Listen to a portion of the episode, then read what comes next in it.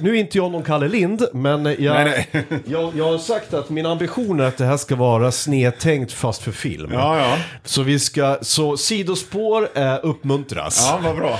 Mandelkubb, det är underskattat, eller hur? Det här var fan inte igår. Nej. Jag brukar säga det, att man ska ta rygg på panschisarna. För att de vet vart den göttaste fikabrödet är. För de är proffs på det. De gör inget annat om dagarna. Nej. Och, så här, och mandelkubb, det har jag alltid sett som så här, det är, det är så här torr. Men hemligheten är att öppna inte påsen förrän det är dags. Nej. Det ska Nej. vara, de ska inte ligga framme och suga åt sig den här elaka syret. Utan det ska... Eh, när vi kör igång. Ja. My little friend. Yo, Adrian! Adrian!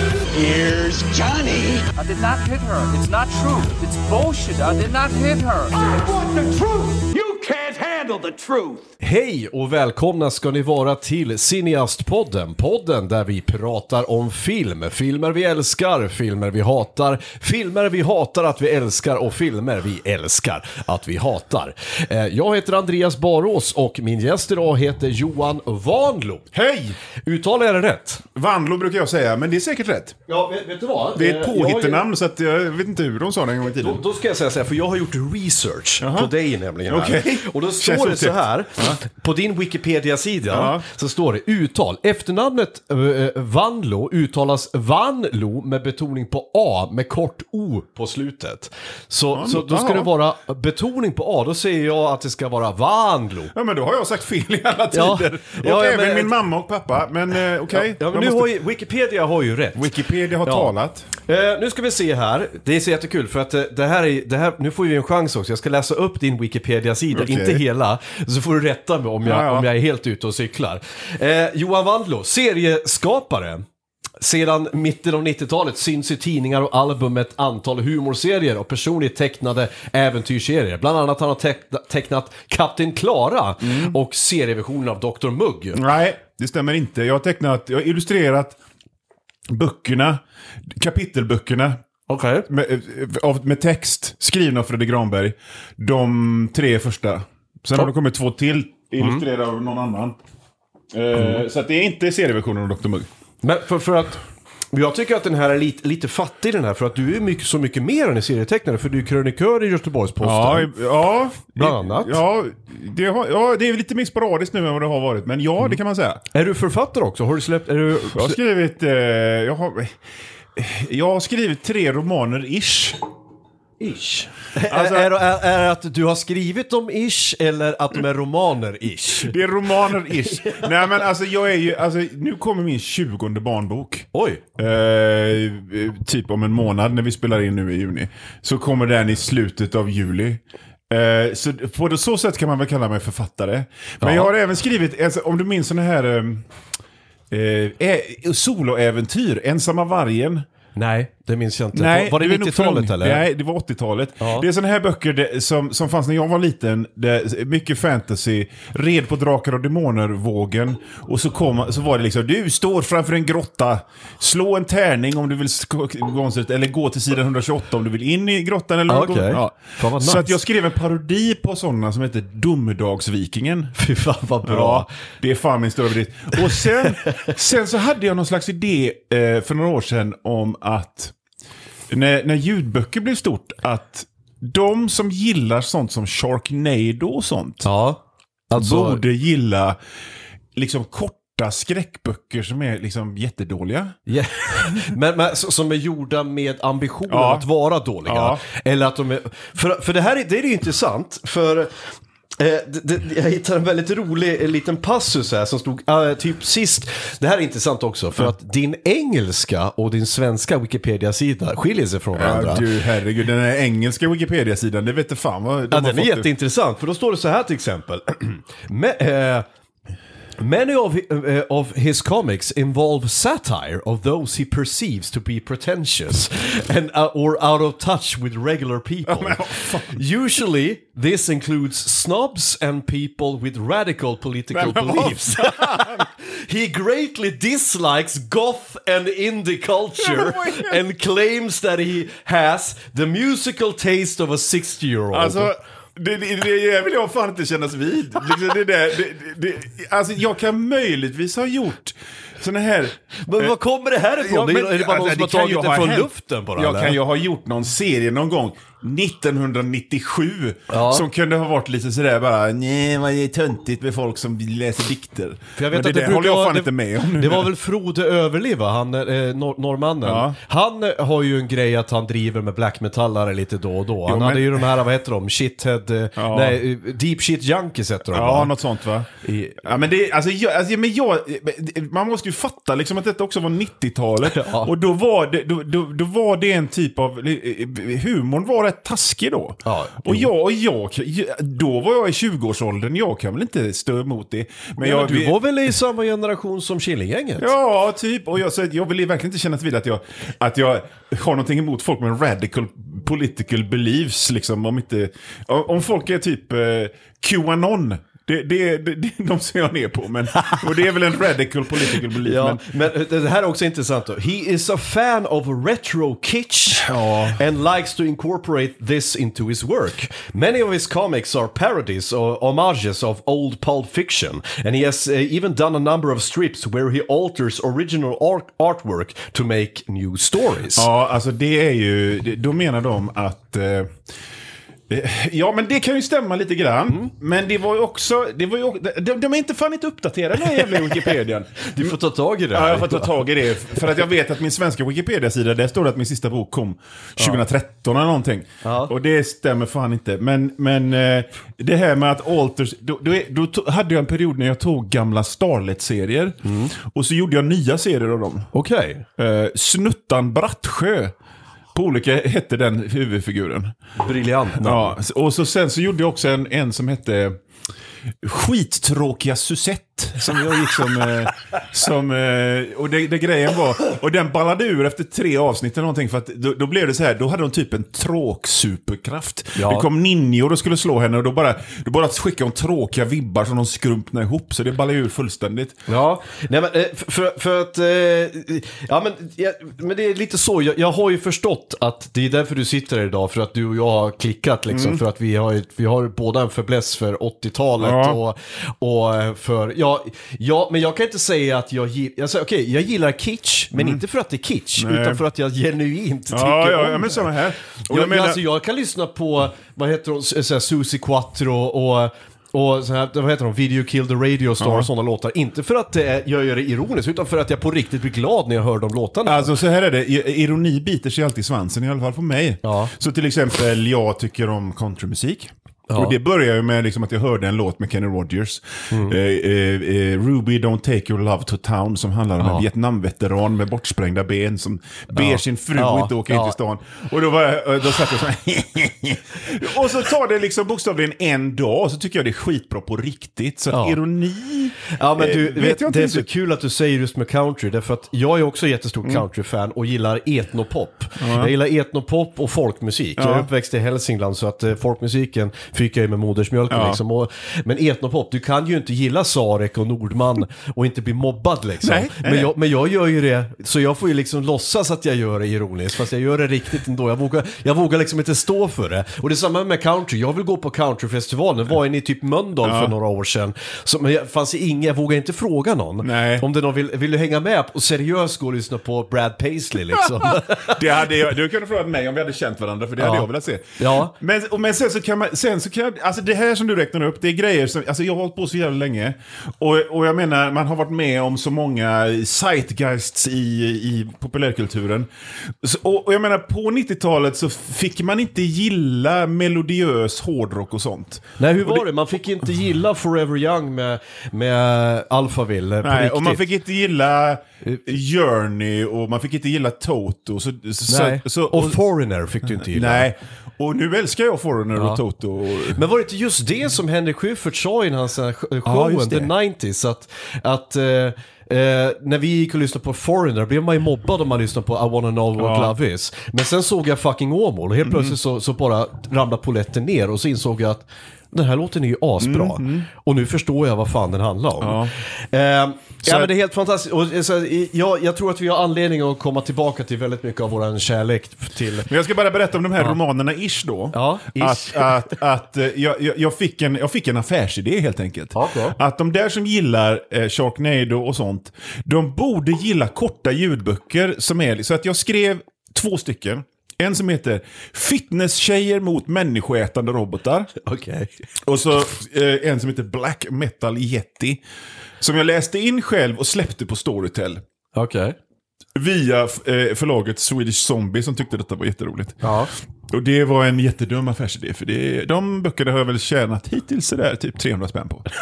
men, men, men om man säger så här, om man printar ut manusen till de böckerna, så Ja. är de typ 66 A4. Ja. Det, alltså det är ju en halv kort roman ändå. Men då kan man ju å andra sidan säga att någonstans i allt det där så var det ju lustdrivet. Det gjorde du ju för att du tyckte om det. Så, Absolut. Så att det har ju inte kostat dig Nej, nej. Alltså mer än din, liksom, din tid. Nej, nej. Det var jätteroligt att göra dem. Och jag menar, eh, det, alltså jag, jag vill ju skriva seriöst någon dag. Och på många sätt så skriver jag redan seriöst barnböcker och sånt. Men eh, det, det är ju en, det är en bra grej att känna på text. Liksom att, att mata ut text och uppleva det här med att man inte kommer ihåg vad huvudfigurer och sånt heter. Nej, just det. Och sånt. Så man måste mindmappa Ja. upp det liksom. Och, och jag har ju också en ambition att försöka skriva någon gång, men jag kommer ju inte längre till. För det, det är ju så här, eh, och det här har jag ju förstått nu, att för att skriva krävs det disciplin. Ja, ja. Eh, Jag hörde vad- Jan Guillou berätta liksom att han går upp och sen så har han väldigt så här, eh, han, han, han kör arbetsdagar när han skriver Mm. liksom. Börjar klockan åtta, tar två, vad är det, sex centiliter starksprit smäller han i sig och sen så eh, jobbar han fram till 11.30, sen tar han lunch Ja. och sen så klockan ett igen så börjar han eh, att skriva och så skriver han till klockan fyra och då är Ja. arbetsdagen slut. Och så gör han så varje dag tills boken är klar. Och jag menar, jag tror att det krävs lite sådär för att det här med att vem fan var det? det? Är fel personer att- att citera eftersom jag inte tål honom. Men han sa faktiskt en bra grej. Paolo Roberto. Eh, Han sa att, eh, eh, vad fan sa han? Motivation är för amatörer. Ibland så krävs det disciplin. Ja, men, men Man jag- behöver göra jobbet. Alltså jag, jag har när jag var yngre och ville jobba med inom citationstecken kultur. Så var det ju också liksom att jag ville ha så lite disciplin som möjligt. Jag ville leva ett liv utan disciplin. Jag ville gå upp klockan halv två på eftermiddagen. Du ville vara Jackson Pollock. Ja. Liksom bara så. Men sen, sen har det ju fått, fått bli disciplin. För annars får man fan inget gjort, så är det bara. Ja men, men du måste avsätta tid. Ja. Ja. Men i alla fall, det är inte därför vi är här. Nej. Som för att återknyta till Killinggänget. Jag bara, måste bara säga det innan jag glömmer bort det. Du nämnde det här med sådana här äventyr där man eh, läser, du, du får ett scenario Mm. och sen så får du alternativ. Mm. Killinggänget gjorde en jättebra parodi på det i Håkan Nesser-spelet. Ja, som ja, ja, gjorde ja, just det, det minns jag. Mm. Spermaharen. Det är fantastiskt roligt. Håkan Nesser, jag har ju, tror jag, boken här någonstans. Mm. Där ligger den till och med. Det är alltså Spermaharen utprintad. Eh, I alla fall. Vi ska prata om dagens film som du föreslog och som jag tack och lov inte hade sett för att det gjorde att upplevelsen blev så mycket större. Vi ska prata om eh, Best in Show från år 2000 av och med Christopher Guest. Och Christopher Guest eh, känner vi till från framförallt för att han var, eh, nu ska vi se, han var, han var regissör, han var skådespelare och han var också co-writer till filmen This is Spinal Tap. Var han verkligen så att han regisserade den? Var det inte Rob Reiner som regisserade den? Jag kollade upp det där igår och han står credits Ja, okej. som, som regissör. Han kanske inte gjorde det ensam, Nej. men han, eh, jag tror att idén föddes hos väldigt Mm. mycket hos de där. För han har ju också gjort filmen eh, eh, Waiting for Guffman Mm. som kom eh, 1998. 96 tror jag Mm. den kom. Eh, som handlar om ett, ett eh, en, en liten så här fri teatergrupp i Mm. en liten håla som ska sätta upp en pjäs eller en musikal. Och så får de veta att eh, på premiären så kommer det komma någon från Broadway Mm. som heter då Guffman. Eh, och då, då ballar det ur för då tror de att de ska bli upptäckta och grejer liksom. Ja. Och, eh, det som var lite kul var att i princip hela casten Mm. från den filmen är med i Best in Show. Det finns en annan film också som heter A Mighty Wind. Eh, som också har samma cast. Okej. Och samma gäng och sådär. Ja. Eh, men det här är den bästa av dem tycker jag. Jag tycker att, eh, när jag såg den här så tycker jag att det här är nog, här kulminerar allting som är hans stil och, eh, och jag tycker humorn Ja. i filmen också. För Det är så, och jag förstår, han han har ju han har co-skrivit den här filmen tillsammans med Eugene Levy, Mm. som har varit med i större delen av hans filmer också. Eh, och man, när man kollar på den här filmen också så, så ser man att mycket av den här casten Mm.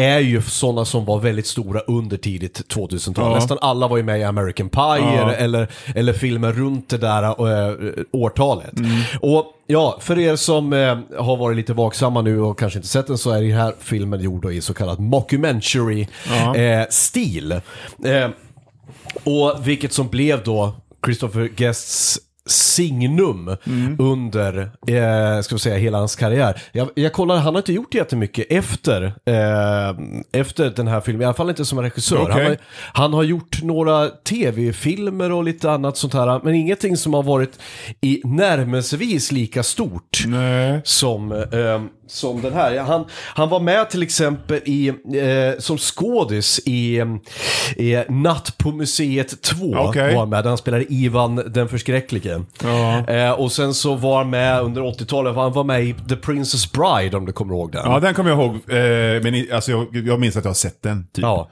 Ja, men det var ju en sån här jättestor eh, Ja. film. Eh, eh, vad är det? "Ah, My name is Inigo Montoya, Ja. you killed my father, prepare to Ja, die. och jag sitter hela tiden och tänker på när jag ser Homeland-tv-serien då, liksom, är det samma skådis som Ja. spelar den här, den här swashbuckling med mustaschen? Och det är det ju tydligen. Så, Ja, precis. precis. Eh, Men jag tänker så här, alltså, alltså, men, men Spinal Tap är ju början Mm. på den här grejen. Och så, och så gjorde de den här, men jag, jag, alltså, Spinal Tap är ju det liksom riktmärket. ja. Men jag måste säga att det här är, är, det, är den bästa varianten av den. Mm.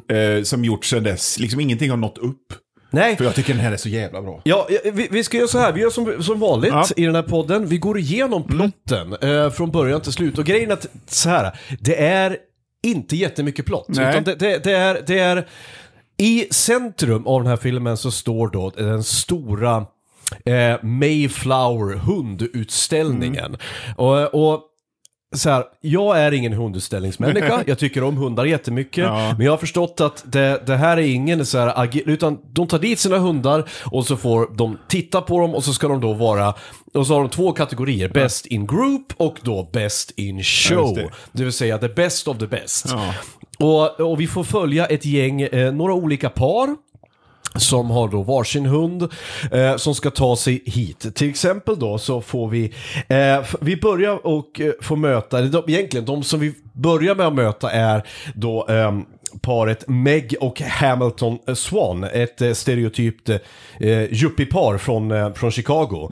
De har då en Weim, eh, Weimaraner, eh, Weimaraner, säger man så? Ingen aning. Weimaraner, Weimaraner, som heter Beatrice. Och det börjar då med att de sitter, de sitter i någon slags eh, familjeterapi Ja, och gnäller för någon psykolog om att, eh, eh, om att Beatrice är så arg på dem. Och, Ja.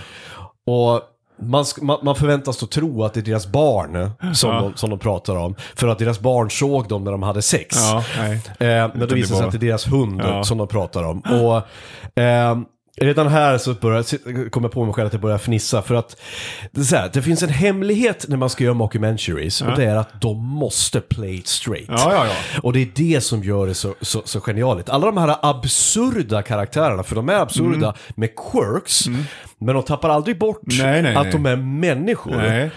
Och så bara en sån sak, jag, jag såg om den igår då, för, för jag har sett den mängder av gånger. Ja. Eh, men jag såg om den igår, för, att- för bara, bara en sån liten grej, som att de trycker på att de träffades i law school.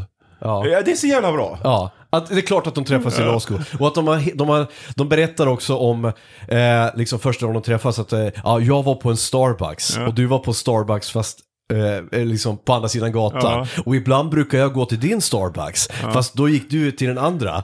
Och, och, och man sitter så här och de på riktigt gör en grej av att, gå, att de är så tomma som människor. Ja, Att det här blir en grej liksom.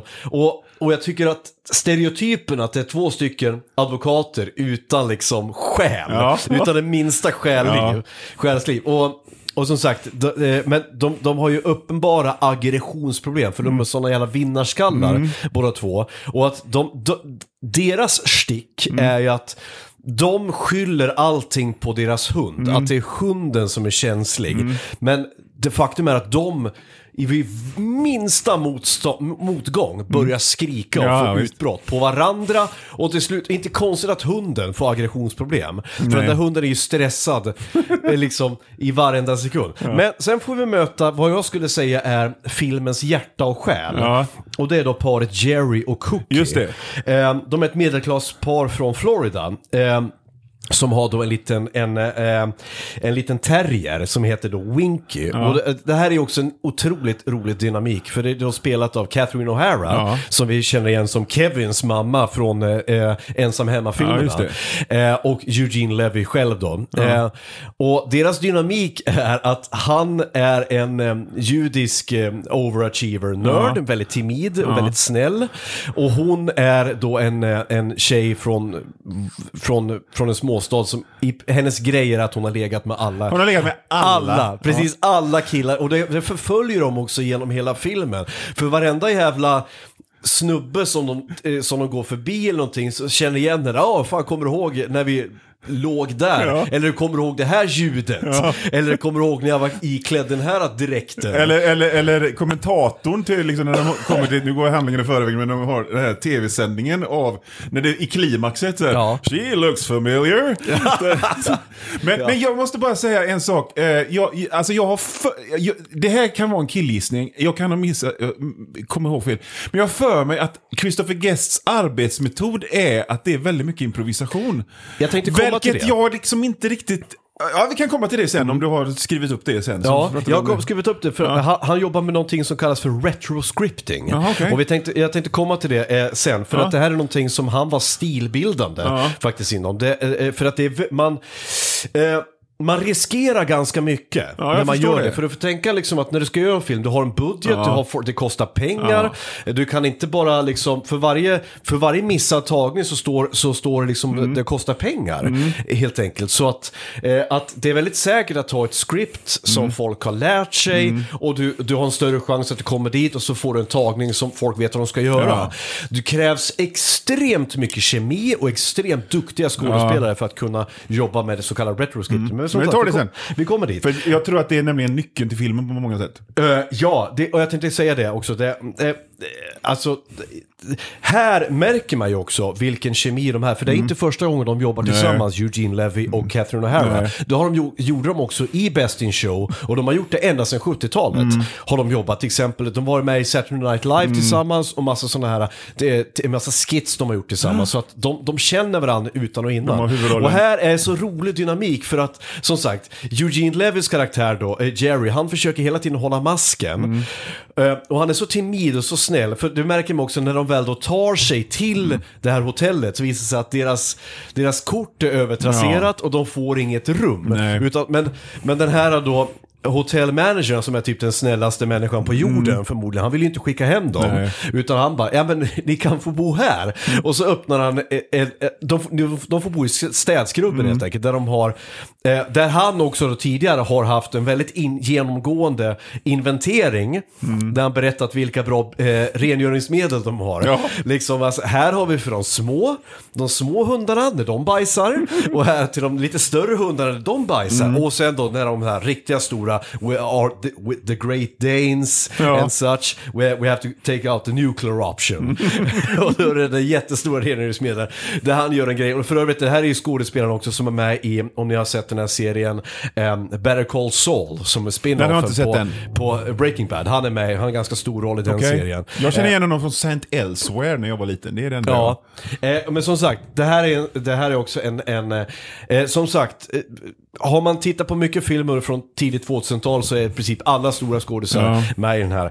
Eh, vi får också följa eh, Christopher Guest själv, han spelar en karaktär som heter Harlan Pepper, Mm. eh, som är då en, eh, en eh, han äger en, en um, fiskeaffär någonstans i typ Oregon skulle jag tippa, sö, eller är det i sö, någonstans i sö, han är ganska sö, Är det inte Minnesota han är men han har ju sydstatsdialekt. Ja. Så jag tänker att det måste... det- Oregon är det nog inte, Ja, för det är för norrut. Men jag tänker, men, men samtidigt är det inte ökenlandskap. Så vi säger att någonstans Midwest Ja. kanske.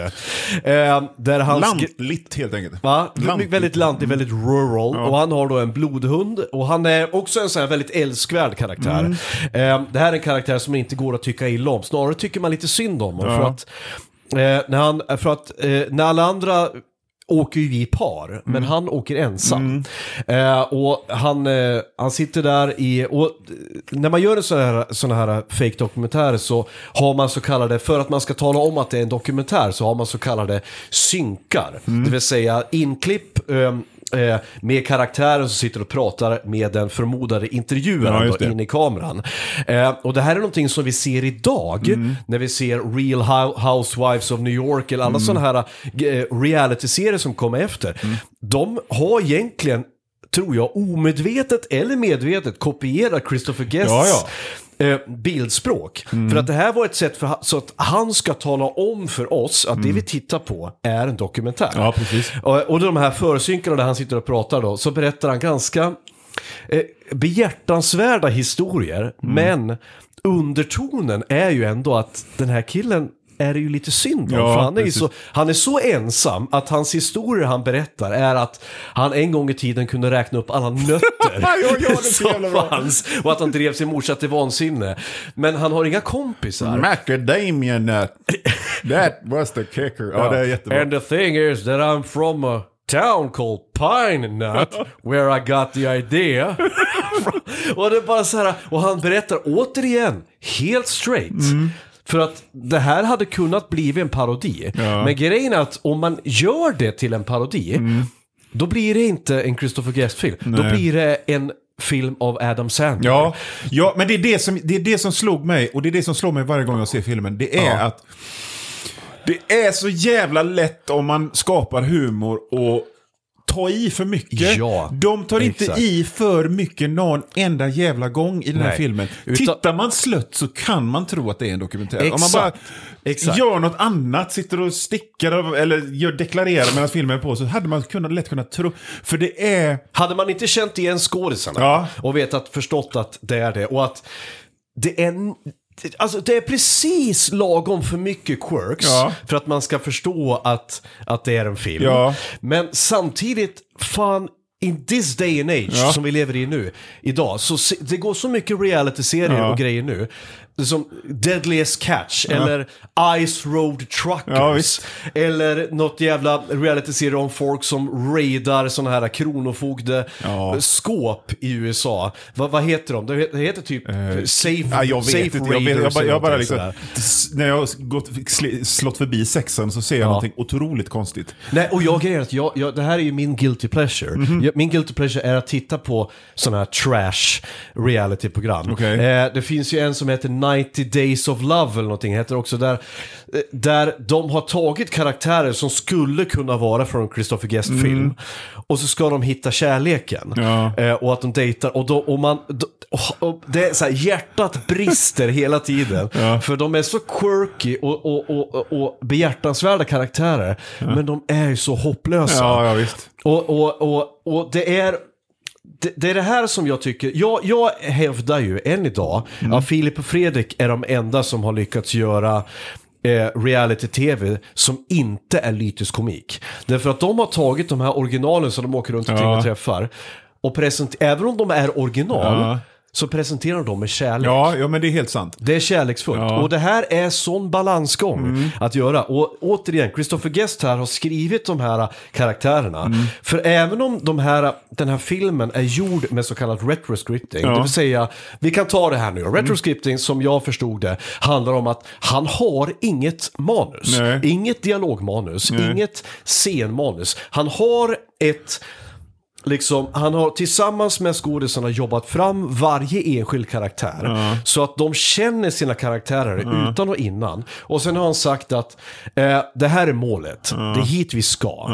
Och det är så här det kommer sluta. Det är det här paret som kommer att vinna. Ja, de måste ju uppenbarligen ha, ha bestämt att det finns liksom bågen. De är på väg till. Mayflower-showen. Och så är det tv-sändningen. Och, Ja. och, så- men det måste vara det som finns. Exakt. Och, ja. Allting utöver det är saker som, som skådisarna själva har jobbat fram, vad jag förstod. Jag kollade upp lite, lite trivia om den här filmen och det var verkligen så. Alla de här karaktärerna jobbade, de, de satt tillsammans med Christopher Guest och skrev eh, ihop de här eh, liksom pointers för vem är de här karaktärerna? Vad vill de? Vad är deras drömmar? Var kommer de Ja. ifrån? Allt det där som är typiskt rollarbete eh, som skådisar gör. Och sen eh, så improviserade fram, de fram varje scen. De hade en idé att, eh, men Harlan, han jobbar i en, eh, han jobbar i en fiskebutik. Kan vi inte ha en scen där han kommer på en affärsidé att tejpa fast små flug, flugor på en fiskekarta för att tala, och så säljer vi de här lite dyrare, för då har vi redan nu talat om så att de tar med sig rätt flugor Ja. till de här fiskeställena. Och då blev det en scen i filmen. Och återigen, det hade kunnat bli jätte, helt fel. Det hade kunnat falla helt platt. Ja. Men det funkar för att de känner sin, sina karaktärer. Ja. Eh, den här scenen då, vi, vi, har, vi har en scen när, när Cookie och Jerry ger sig ut. Och då ska de, göra ett, de ska åka ganska långt, så de måste göra en övernattning. Och Ja, ja, ja, men det är något av det bästa jag har sett. då ska de göra en övernattning hos, hos ett av naturligtvis Cookies gamla ligg, gamla pojkvänner. Någonstans i whatever. Och de kommer dit och det första de gör då, han, Jerry är ju, han är timid och han, han tvivlar på sig själv. Ja. Och den här killen då heter Max tror jag han heter, öppnar och det första han gör i princip är att hångla upp då Cookie inför sin egen fru, Ja. sin egen son Ja. och, och Jerry. Men det är en av de roligaste scenerna i för att vad är det? Max jobb är att han är Han är gisslan. chief negotiator hos polisen. Ja, har du, och, och så frågar liksom eh, Eugene Levy, har du någonsin fått ner Man får aldrig ner någon. Och så- alltså, det här är lite eh, secrets of the trade, alla hoppar. alla som ska ta självmord hoppar. Och så, och så sen så, så sonen tar, liksom, kan, sonen är lite eljest och ta, snor hunden och sätter sig i ett träd. Och så ska han då liksom, ja, jag tar Den här redskapsboden Ja. Han sig på. Ja, och så I will gouge your eyes out with my thumb if you don't... Det är så jävla bra.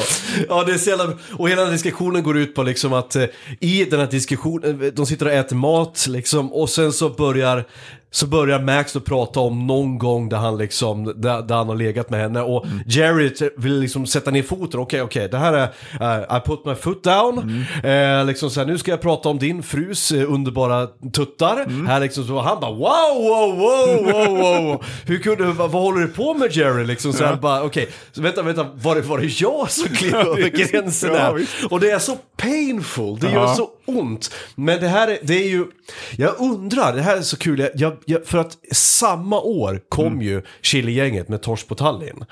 Och jag, jag tänker så här, eh, eh, och de hade ju samma...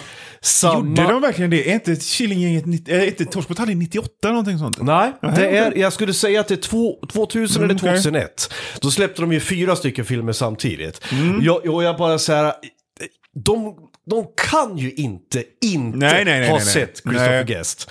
Någon av filmerna. Ricky Gervais har ju sagt att eh, Christopher Guest var ju den stora inspirationen till The Office. Det förklarar en hel del faktiskt. Ja. Ja.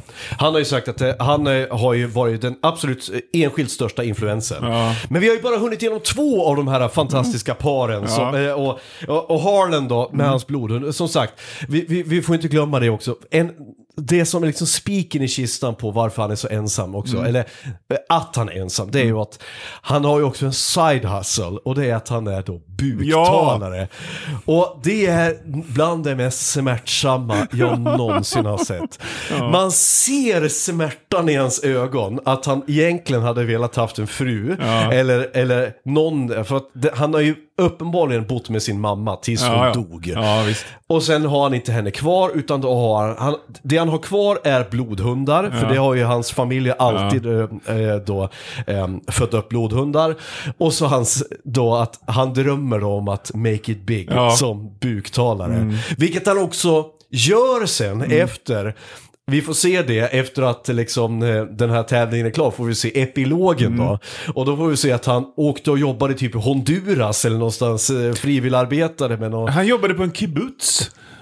Vad är, vad är en kibbutz Ja, men det är väl någonting som de har i Israel, någon slags någon speciell sorts... Eh, eh, Men det är någon slags amish-samhälle, är det inte något Nej, sånt? jag har för mig att det är...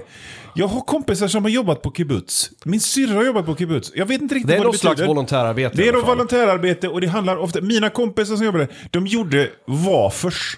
Vaniljwafers. eh, det var där. alla grejer!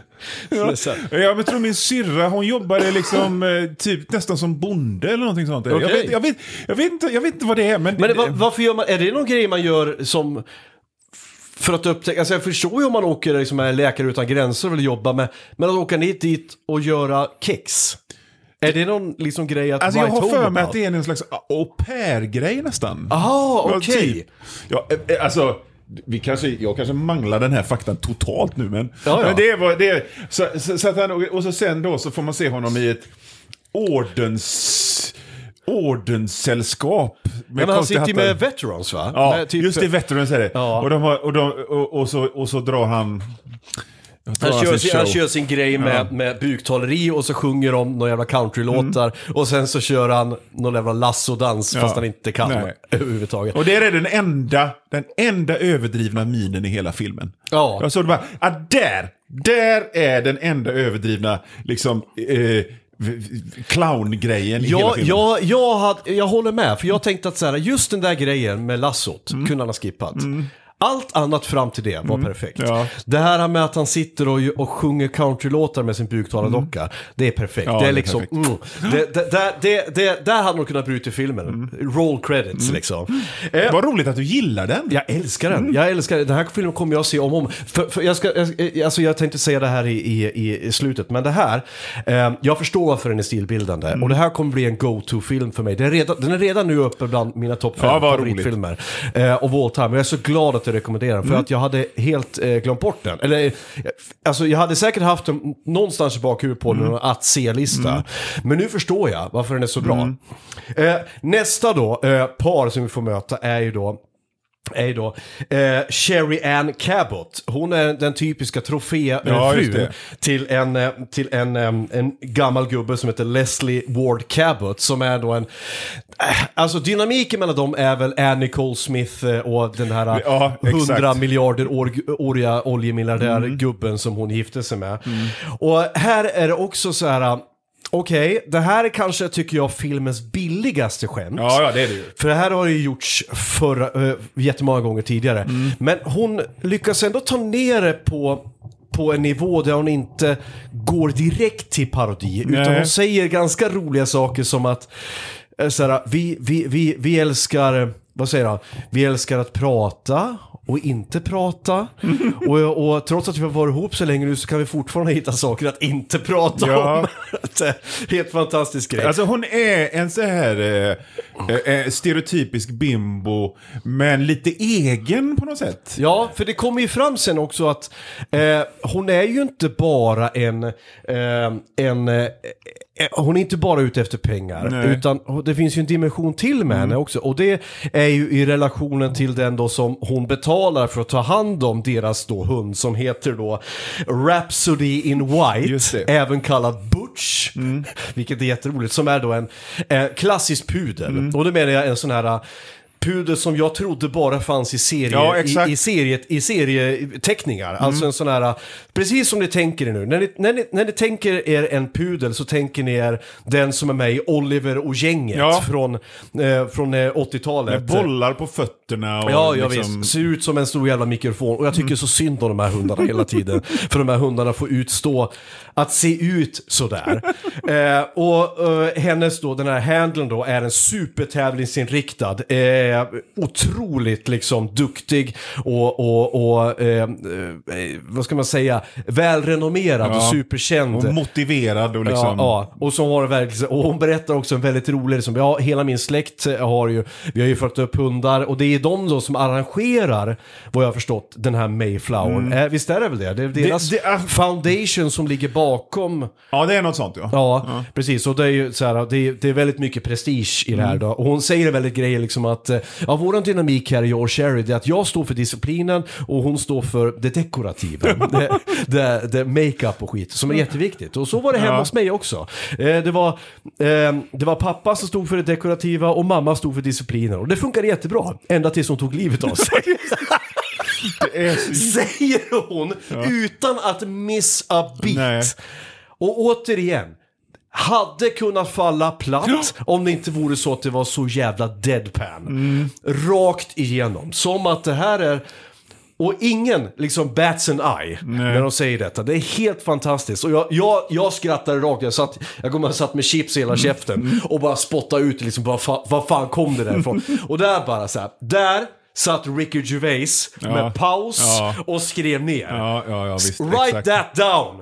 Eh, så han skrev det tillsammans med Steven Merchant. That, that, that måste du ha. För det där är bland det mest morbida humor Ja, jag någonsin har sett liksom. Och det, eh, å, å, men återigen, det, det är, det, det, man får inte trycka på det här nog, att det liksom går aldrig någonsin over the top. Nej. Och det är ännu viktigare när vi kommer till det sista paret Ja. nu.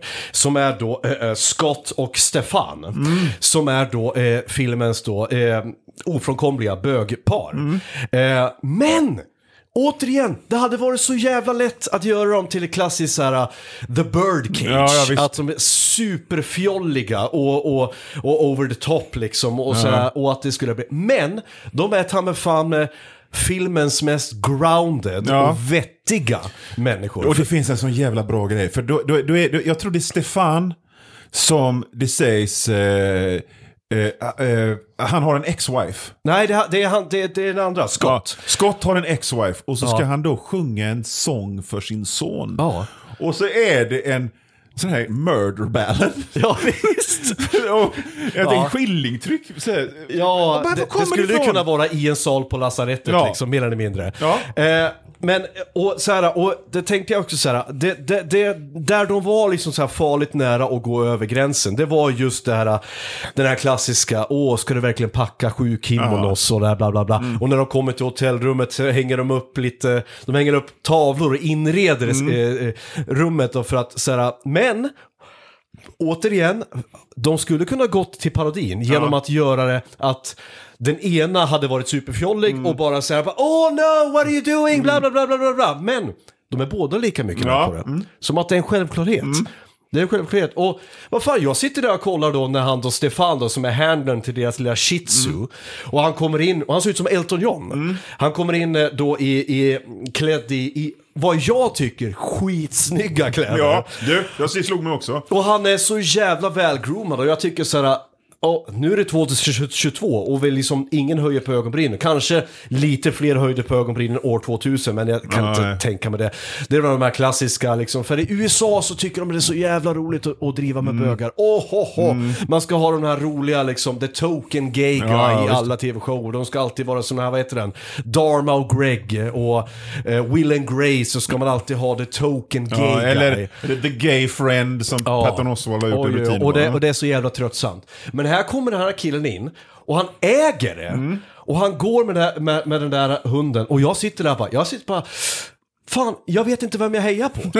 Jag sitter där på den där jävla hundställen. Jag bara, den, de enda jag vet jag, att jag inte hejar på, det är de här jävla yuppieparen. Ja. Men de åker också ut Ja. direkt därför att de, precis innan de ska in på scen, så visar det sig då att de har de har då tappat bort, eh, de, har, de är så stressade så de har tappat bort då eh, eh, hundens lilla Mr Bumblebee, eller Mr B, En Yellow Bee. något. pipleksak som, Ja. som är jätteviktig och det Ja. blir en katastrof för att de inte hittar den. Och här, här eh, kommer också till filmens styrka. Varje karaktär får sin time to shine. Ja. Eh, och he, här får, det- här paret då, då är det då eh, kvinnan, hon skickas då iväg till närmsta då djuraffär. Där hon ska hitta en sån här. Och hon kommer in och hon är väldigt samlad. Och här satt jag också, jag skrev ner det för jag skrattade så jävla högt åt det. Hon säger "Uh, uh, I'm looking for a toy, it's a, eh, for, for, for a dog, it's, it's a bee, it's a, it's a bumblebee. Och han säger okej, okay, yeah. Och så lyfter han ner då en, en liten leksak. Som då är en liten teddybjörn med, med, en bi direkt på sig. Hon säger så här, no that, that, that, that's not a bee, that's, that's, a, that's a bear wearing a bee costume. och det är så viktigt för henne Ja. att det och så är det bara okej, men okej, men jag har en annan här. Eh, eh, It got stripes and, and it squeaks. Liksom bara, och han säger väl också bara, "Men hundar är ju färgblinda. De, de, de ser inte skillnad. Och, men hon får sånt jävla raseriutbrott. Och, här. och så hon skäller ju ut, och, och, så hon skäller ju ut också städerskan. Är så bara, I jag vill ha, jag vill ha vad, heter de? Eh, jag vill ha foreign affairs här. Jag vill ha, för, att du är väl illegal invandrare. Jag vill, I wanna see your papers! Ja, ja. Det är så jävla I bra. want immigration here now! Och, och för att återigen, det är två stycken, de är så jävla aggressiva. Och jag tänker så här att det vilar en filt av passiv aggressivitet över hela filmen. För att man får också komma ihåg att alla de här är rivaler. Och att de hela tiden gör allting för, att- för att sabba för varandra. Det märker man väldigt tydligt då i, de är inte så passiva, de här yuppie, de är ju väldigt Väldigt bara aggressiva. Ja. Men den här då, hon Sherry och, och, och Cammy, de då som är pudeltränarna, de, de är väldigt passiva aggressiva. Det är liksom så här, mm, vi, vi har ju vunnit två gånger innan och så här.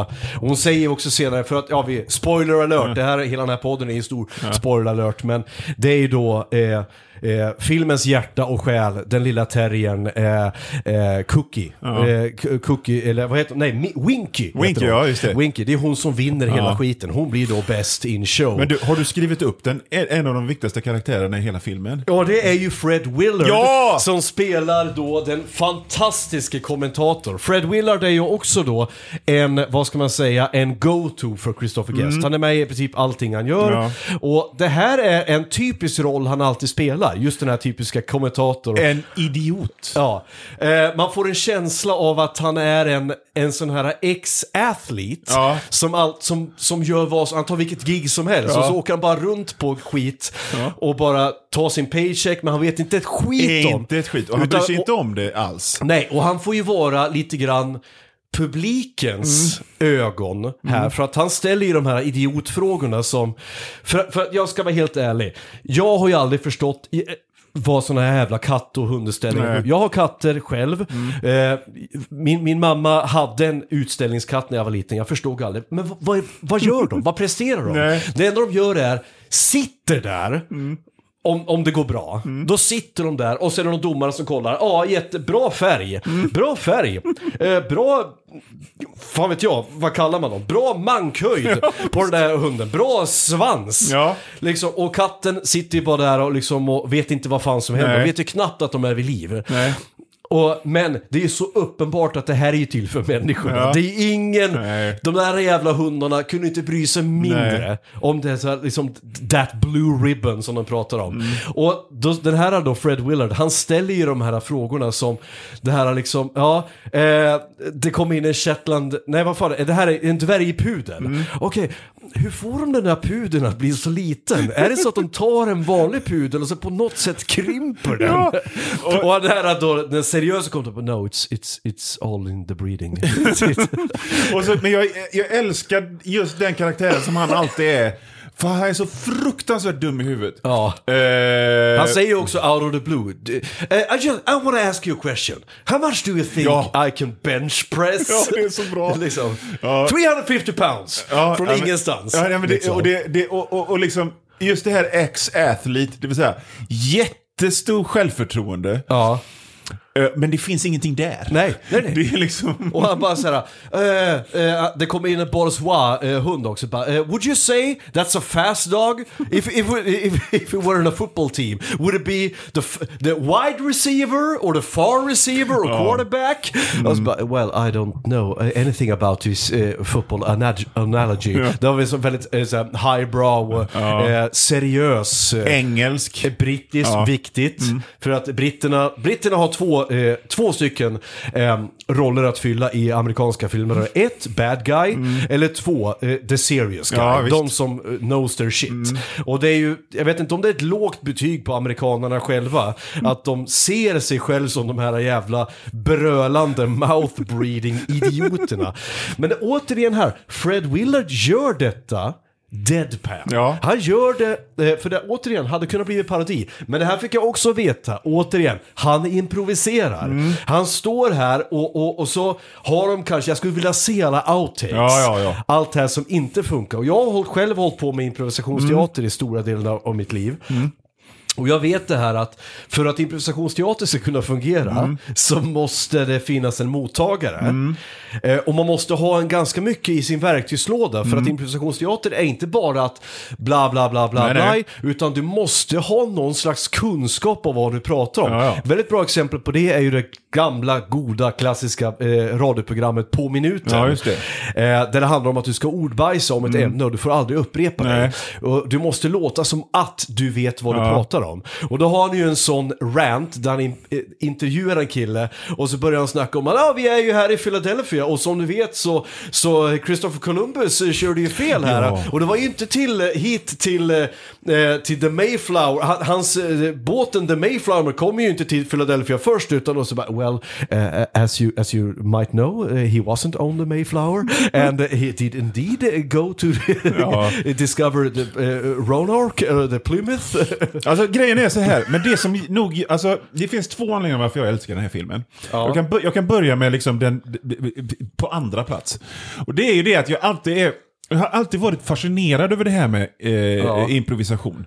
Jag har aldrig skådespelat, men jag har däremot haft, liksom, jag har alltid velat jobba med radio och sånt där. Och när jag kommer ihåg när jag var liten så fanns det det var ett program från 70-talet, så det, hade, det, det existerar ju. Alltså det, jag hittade gamla kassettband och skivor på 80-talet med ett program som hade gått på eh, 70-talet med Kjell Arlinge och Janne Forsell som heter Hemma hos. Jajamän. Och det var så uppenbart att de... Jag vet inte om de eh, improviserade, men det lät som de improviserade. Och jag har sett intervjuer med Janne Forsell att de, de de hade manus, men det var... Det var, mera, det var mer ett någon slags förslag. Och, så Ja. bara, och så att jag älskar när man märker att det är i stunden. Och jag är superfascinerad av, det, av, det, av hela den, den... Jag älskar allt som har den där eh, energin av att det, det kommer ut här och nu. Ja. Och det skrivs i huvudet här och nu. Eh, jag har väldigt svårt att förklara vad jag menar, men, men jag- jag- det finns en energi på det. Ja, men jag, alltså, det fanns ett eh, radioprogram, eh, nu ska vi se, kan det ha varit i mitten av 2000-talet någonstans, som hette Deluxe i P3 med Jörgen Lötgård då, och Erik Ekstrand eh, och ehm, eh, vad heter han, Erik och Mackan. De eh, grabbarna hade Ja, ett, det har jag, känner jag inte Eh, till. Men då hade de, de hade de ett inslag där, där de drev med sådana här gamla så här, kaféprogram. Mm. Där, ja, och då var det dags för kaffestunden Mm. där. Och då har de lagt på en ljudmatta av så här, te, så här, eh, teskedar som slamrar Ja. mot eh, koppar och man hör folk som rör om och äter mandelkubb Mm. och förmodligen så här. Ja, och veckans gäst är Thomas Ledin som kommer hit lite senare och eh, ska svara på eh, frågor. Mm. Eh, och när han inte kan eller vill så piskar vi honom över ansiktet med en termos så får han skärpa till sig. Och så, och så, och så sitter de där hela tiden och improviserar Mm. med varandra. Ja, och efter det så ska vi prata om dig och din intima kroppsbehåring eh, som du vägrar att göra någonting åt. Ja, och precis. Och efter det så ska vi prata om dra åt helvete, ja eller nej. Det ska, så här väldigt så här passiv Ja. och aggressiv matta. Och jag tycker att det är så jävla vackert det här när man, eh, när man tar någonting vardagligt. Och det är för att det är ju det här som är grejen att eh, den här filmen funkar därför att man tar ett ämne som, som som är hyfsat känt. Vi vet ungefär, någonstans instinktivt så vet vi ungefär hur det här går till. Man hade kunnat tagit, eh, vad är något typiskt svenskt, vet inte jag, Ullared. Ja. Fa- Fast, fast, vi, vi, eh, vi, vi, fast inte Ullared. För att problemet med Ullared är att det här är castade människor. De har Ja. hittat, har försökt hitta de mest bananas människorna kan hitta. Och så är det så jävla sökt och krystat Ja, ja, allihopa. visst, de här exakt. människorna eh, vet om att de är med i tv. Eh, och så ska de göra tokiga... Och det, det blir lyteskomik. Ja. Istället för att ta genomarbetade karaktärer som, de, som, som, är, som är kärleksfulla. För det... Nu har, vi, eh, nu har vi tagit oss igenom hela filmen här, men återigen, vad jag skulle vilja säga är att göra den här filmen funkar, är att den är gjord med kärlek. Ja, visst, verkligen. Varenda en av det här, alla de här paret, och med undantag möjligtvis för det här yuppie-paret som jag faktiskt inte tycker om Mm. Nej. överhuvudtaget. Men deras genialitet gör ju att de är så jävla unlikable. Ja, ja, visst. Men alla andra kan jag hitta någonting jag tycker om. Ja, ja. Till och med den här troféfrun som visar sig då ha ett förhållande med den här handlern Ja. då. Och det är det jag menar som ger henne lite extra djup. Det hade kunnat också igen kunna blivit falla platt här. Åh, ja det gamla trötta skämtet med, en, med en voluminös eh, kvinna, eh, troféfru som bara är en golddigger. Men det visar sig att hon har ett kärleksliv. Ja. Hon vill någonting mer med sitt liv. Ja, visst. Eh, och så har vi det här fina medelklassparet som... ja, som vi får se i epilogen också, släpper skivor, eller kassettband, där de sjunger låtar om terriers. Och det är så jävla fasansfullt. Så jävla- Fruktansvärt. och Men det det- visar sig att den där, dessutom då, producenten, som Ja. sitter och spelar in, har ju naturligtvis legat med Ja. Cookie också. Och Ja. där måste stackars Jerry leva med. Eh, vi får se också vad som händer med Harlan. Som sagt, han ges ut och, och, och förverkligar sin dröm med buktaleriet. Eh, vi får se vad som händer med Sherry och, och, och hon eh, Cammy. De fortsatt, fortsätter med, eh, med sitt, eh, med sitt, eh, vet du med sitt drillande av hundar. Mm. Men de har också då eh, startat, vad fan de startade en tidning. Jag måste ha det Amer American bitch. Ja, för lesbiska kvinnliga hundägare. Ja. Som är helt, och sen det här gayparet gör en kalender där de gör då, eh, de gör någon slags hommager till Mm. gamla 40-talsfilmer som Casablanca och liknande, fast med hundar. Det, alltså, vet du, som, det, det som slår mig nu när vi pratar om filmen, det är liksom att humorn är jävligt svensk. Förstår du Ja. vad jag menar när jag säger det? Det här... Det, det finns en svensk ton i svensk humor. Och det är alltid... eh, eh, eh, Det är liksom lite förkrympta, lite gnälliga, det lilla livet på något sätt. Ja. Det ser man väldigt sällan i amerikanska filmer. Men det, men det är en väldigt typisk grej med svenska filmer, att det är eh, folk med dialekt och mustascher på landet. Och det är, det, det är faktiskt en väldigt Men- men- svensk film och- för att vara Ja, amerikansk. men jag menar, för att när du säger det så, så går det ju inte att ta bort, eh, återigen, eh, vet du, det, jämförelse med Torsk på Tallinn. Nej. Eh, för där återigen, där har, vi, där har vi precis som du säger, vi zoomar in på, vi zoomar in på eh, slamsugaren Lennart från Boden. Vi har eh, dansbandsentusiasten Roland, eh, som, han sa så, eh, Robert Gustafsson sa en väldigt bra sak där om hur du gör en karaktär, hur du ger en karaktär djup. Och då sa han att hans favoritscen ur, ur Torsk på Tallinn, ur hela den, och det han är mest nöjd med, det är scenen när, när Roland går omkring i köket och visar, och så återigen improviserat, han tar upp Felix receptblock och så tar han fram så här med små, små kort och så det här gult för, för, för, för fågel, blått för fisk och rött för kött. Och han sa att det jag är mest nöjd med, det är de här två fingrarna som står där. För han sa att det där är två fingrar som aldrig har rört en kvinna. Nej. Och det där är någonting som bara han märker. Ja. Men ger djup till karaktären. Och det är det som signifierar också ett karaktärsarbete. Och det ser man också. Skulle jag se om den här eh, Best in Show, vilket jag förmodligen kommer att göra den närmsta veckan, då kommer jag börja titta efter sådana subtila saker. Saker som är, som till exempel Eugene Levis otroligt bra stammande. Ja. Han är otroligt, när han, när han eh, famlar efter orden. Men du kan inte famla efter orden hur mycket som helst i en film. Nej. För att då blir det, för det funkar inte i en Nej. film. Utan det måste komma till saken någon gång. För att du har inte råd med så att han famlar efter orden precis lagom. Eh, som hon till exempel, eh, i deras första scen så säger de When I met her she had had dozens of boy, eh, boyfriends. And she, och så säger hon Well, hundreds actually. Eh, hundreds?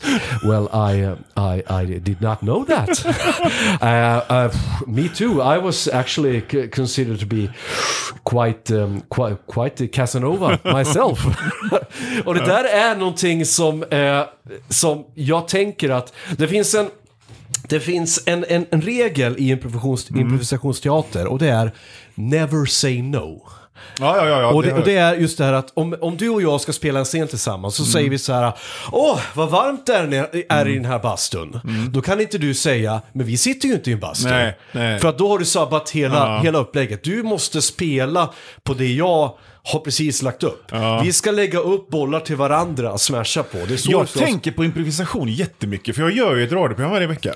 Mm. Som jag försöker få låta improviserat. Ibland, ibland har jag inte tid att skriva manus. Nej. Så då är det improviserat. Ja. Men samtidigt så, är, så känner jag ganska ofta att improvisation är lite grann en myt, för det finns inte. Nej. Eh, För, för att någonstans har du ändå, du har en tanke vart du ska någonstans. Ja, Alltså man måste ju veta vad man ska säga. ja, precis. även, även, även om man bara har...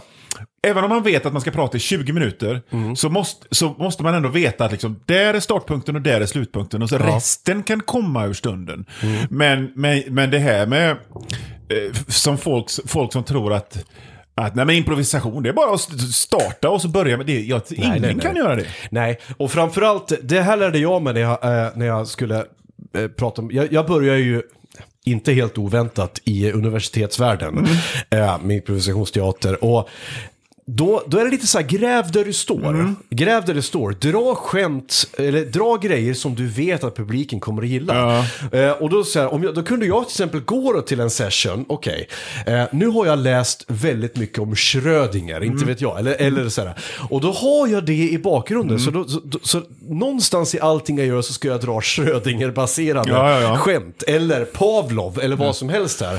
För att, och så, sen har man sina, alla, alla så, så här, improvisationsskådespelare, alla som säger att de bara börjar som blanka papper ljuger. Ja, ja, men det är det jag alla, menar. Har, alla har sina go-tos. Ja. Alla har sina, här, precis som en fotbollsspelare har sina favoritfinter Mm. eller, eller signum, så har även skådisar sina grejer. Jag Ja. vet, det här är eh, stand-up-komiker, samma saker. Mm. Vi går alltid till våra go-tos. Men, så att du har alltid en grund. Mm. Och, det här, och det är det här som, som gör att den här filmen fungerar också. Mm. För att de har grunden. Och grunden i, i detta fallet är karaktärerna. Mm. De kan inte säga någon så, en sak som inte passar med sin Nej. karaktär. Så därför måste eh, Jerry, han måste säga saker som passar med sin karaktär. Och så är det det här att, att jag menar, det, jag, jag, jag förmodar att det finns timmar som inte kom med i filmen. Oh, ja. Eh, men det är ju det som är det fräcka med just det här improvisation. Och i, alltså för, för, för, om, man, om, man, om, man, om man skriver grejer, man sitter ju och värper. Jag har inte i hela min karriär, som i det här laget är 35 år lång, någonsin, ja, kanske två gånger, träffats av en blixt ifrån klar himmel och sagt Eureka! Nej. Utan jag har suttit och värpt och folk frågar liksom, var får ni idéerna idéer ifrån? Och jag säger, jag sitter och tänker. Mm. Man får aldrig idéer, man får en hörn av en idé. Men det är intressant, för eh, testar du ditt material på någon annan innan du skriver ner det? Eh, som ståuppkomiker till exempel, då går ut och testar med, sina, med sådär och kollar, funkar det här för ah, stryker du? Nej. Eller, eller, eller är du bara så här, nej, jag ska tycka att det är roligt, Mm. jag ska tycka att det är bra. Och sen förhoppningsvis tycker någon annan det. Nej, alltså vid det här laget så... Nej, jag, jag, det, det, det finns inte... Jag gör en variant av det. Och det är att jag, jag har liksom någon slags idéfabrik. Så till exempel... Eh, när jag väl träffar folk som följer mig på Twitter eller Facebook. Och de säger ja, jag följer dig på Twitter. Så jag, jag har alltid en god känsla för att säga förlåt. För, för, för Twitter är min tankes toalett. Du bara slänger ut det, det, det, det, det, är där du kan improvisera, Ja, ordbajsa. och, och, så, och så sen när jag ska skriva riktiga grejer, om jag till exempel ska skriva ett eh, eh, seriemanus eller någonting, så börjar jag alltid med att titta, vad har jag skrivit den senaste veckan? Eh, Finns det någonting här jag kan börja med? Eller Ja. liksom som jag kan göra någonting av som jag kan spinna vidare på? Eller, eller jag skriver en krönika som jag sen gör en prat av till ett radioprogram. Som jag sen kanske gör en serie av samma idé. Så, så lite, men, jag, nej, men jag visar inte och testar. Men sen det här med eh, vad jag tycker är roligt. Och, alltså man har ju en publik, men man har en publik av en. Sin Ja. redaktör som skriver under fakturorna. Ja. Eh, och ibland så, så, så, så, så finns det grejer som bara jag tycker är roligt och jag vet det och det ligger i min byrålåda för att det Ja. är ingen annan som tycker det är kul. Ja, det är så jävla tråkigt det där för att, att, att man måste lägga band på sig själv. Ehm, för, för det, det, det är därför jag målar tavlor. Allt det här har jag målat här. Så Ja. det mesta är skit, men det skiter väl jag i. För Ja. att det är inte därför jag gör det. Nej. Jag gör det för att det här, här är det bara jag Ja. som, som, som är recensent. Här är det bara jag som, som kollar. Mm. Ja. Fan vet jag, någon gång, någon dag så är det, jag har faktiskt sålt tre tavlor. Okej. För att någon mot förmodan faktiskt tyckte om det jag Ja. har gjort liksom. Eh, men inte därför jag gör det. Och det, det. Man måste skilja på det. Det jag tänker liksom att när du gör, när du gör dina serier Mm. så, så har du väl, tänker jag, en hög som är för dig och en hög som är för det här, det här är mitt jobb, det är det här jag säljer. Alltså, det, det, alltså jag försöker ju, alltså ibland så jobbar jag, till exempel, jag, det, det finns ju brödjobb. Jag skriver manus till serietidningen Helge. Okej. Och det är ju, det är ju liksom ett brödjobb. Och då, då måste jag liksom arbeta ungefär vad som är kul i Helge-kontexten. Precis. Men sen så, så, så jag försöker, alltså i mina egna serier så försöker jag göra så mycket jag som möjligt. Men min egen, den humor som jag tycker är roligast själv, Ja. som jag verkligen säger, du vet, det är ju ingen annan som, så, det, det, är liksom den dummaste humorn. Ja. Det är den absolut mest korkade, liksom, ibland mest vidriga humorn. Ja. Så det, och det, jag vet, nej men jag får inte sålt det här. Det är ingen, precis. ingen vill se det. Då, då kanske jag lägger ut det på Instagram. Va- va- va- man någonting brukar säga att det finns två sätt att skratta. Antingen skrattar du med huvudet Mm. eller så skrattar du med magen. Och eh, det är oftast det du skrattar med, eh, där du skrattar med magen, det är där som det du säljer. Ja, Men det du, det du, när du skrattar med huvudet, det, Ja. är liksom, det är saker som bara oftast funkar i ditt eget, ditt ja, eget ja, visst, ja visst. Men vad kul att du skriver för Helge, för jag kom på Helge, han Edvin Mm. eh, från Helge, vore inte han en typisk karaktär ur Best in Show? Verkligen. Han påminner ju om Harlan. Ja, ja, ja absolut. Eh, det, det har inte jag tänkt på. Du vet, jag tänker på Helge så här eh, eh, eh, som... Det här är... De, de lever i en matrix.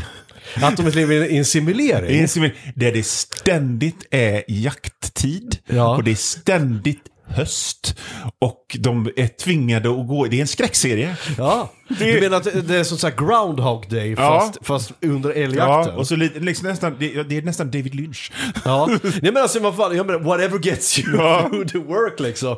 Men fan, ah, gud, jag är ju uppväxt med sådana här serier, jag är ju uppväxt med Knasen, Mm. med, med 91 och så. Jag, jag kan inte fatta hur 91 fortfarande kan existera. För att, såhär, har vi inte nu verkligen vridit ut rasan på liksom vad är det här? Är det 30-talet? Det är beredskapstiden Ja. som det här utspelar sig i? Ja, ja, liksom. I Knohult eller Beckomberg, eller vad fan är de? I, i, Nej, Knohult och Åsa-Nisse. så är det ja, Knohult och Åsa-Nisse. Som jag också jobbar med. Backaboda, eller vad heter det? Klackamo heter det? Klackamo heter Ja. det, så ja. För fan att jag kommer ihåg det här. Och så är Åsa-Nisse, det är ju någonstans i Småland. Det, eh, Alltså, det, det är så, ja men det är så, precis, påhittade, eller inte påhittade eh, orter någonstans i Småland. Ja. Eh, som bara existerar. Alltså jag, jag, när jag... jag menar att, att Kronblom ens kan existera, Du, så här är det. är Kronblom- ju en gåta. Kronblom eh, eh, nyproduceras inte längre. Nej, åh. Eh, faktiskt. Men, men grejen var För så... den plotten var inte djup. Det kan jag ju... Men grejen är att jag, jag började jobba för det buskis-industriella komplexet ungefär 2014-2015. Och de frågade mig, du, vill, du, vill du skriva Åsa-Nisse? Vi behöver folk som skriver Åsa-Nisse. Okej. Och, så, och så tänkte jag, jag skriver Åsa-Nisse? Jag, jag gillar ju, jag gillar ju Galago och Joakim Pirren och amerikansk underground och Love and Rock och så. här. Ja. Men så, så köpte jag en bunt sånt nytt Åsa, för jag är inte uppväxt med det. Jag är uppväxt med Marvel och Fantomen. Liksom. Ja, ja, ja. Och, så, och, så skaff, och, så, och så tittade jag på det, och till slut så förstod jag att det finns en kod. Det finns en kontext där varje serie som har gått så där länge, de har en kontext där det är roligt i den kontexten. Ja. Så att man måste fatta vad är roligt i Helgevärlden? Vad är roligt i Kronblomvärlden? Och det där gäller alla serier. Det där gäller Nemi, det gäller Rocky, det gäller... Eh, vad fan du vill liksom. Att det, det, det är en överenskommelse med läsaren. Att Ja. okej, det här är roligt här. Ja. Jo men, men precis, men det är också skrivet efter exakt samma formel. Det är alltså setup, eh, leverans, punchline. Ja. Mm. Det är trestripsformeln på allihopa. Det är, jag kommer ihåg, jag läste en serie som heter BC när jag var liten, Mm. kommer du ihåg den? Som var i, mm, jag tror, var det i 91-tidningen? Det var en gästserie där. Jag tror det var i Knasen. Ja, det tillsammans med Hagbard. Eh, och det var samma sak där. Kontext och sen, eh, först vi kontexten, okej, nu kan, jag, kan, jag kan premissen, jag vet vad karaktärerna är. Och sen läser jag en, en 20 olika tre, såna här trestrippar. Och sen så kan jag det. Sen vet jag ungefär. Så, så, och det, jag tror det är väldigt viktigt i de där grejerna att du får aldrig jump the shark. Nej. Aldrig jump the shark. Falo i Ute vår hage får inte göra någonting Fast som inte... Follow i Ute och Vara, det måste jag säga, det är en helt annan... Alltså för den Menar är så jävla det- briljant. Jag älskar den serien. Och jag tycker faktiskt, den, den, den, Ute i vår hage har några av de absolut roliga serier som jag har gapskrattat åt. Det finns en serie när, när det är, jag tror det är Falo eh, hör dåligt så någon sätter en vassgränsare i öronen på honom. Ja. Och bara liksom tjoffa, tjoffa, tjoffa. Det är så jävla roligt. Och så sån här, så här grej- Tjoff.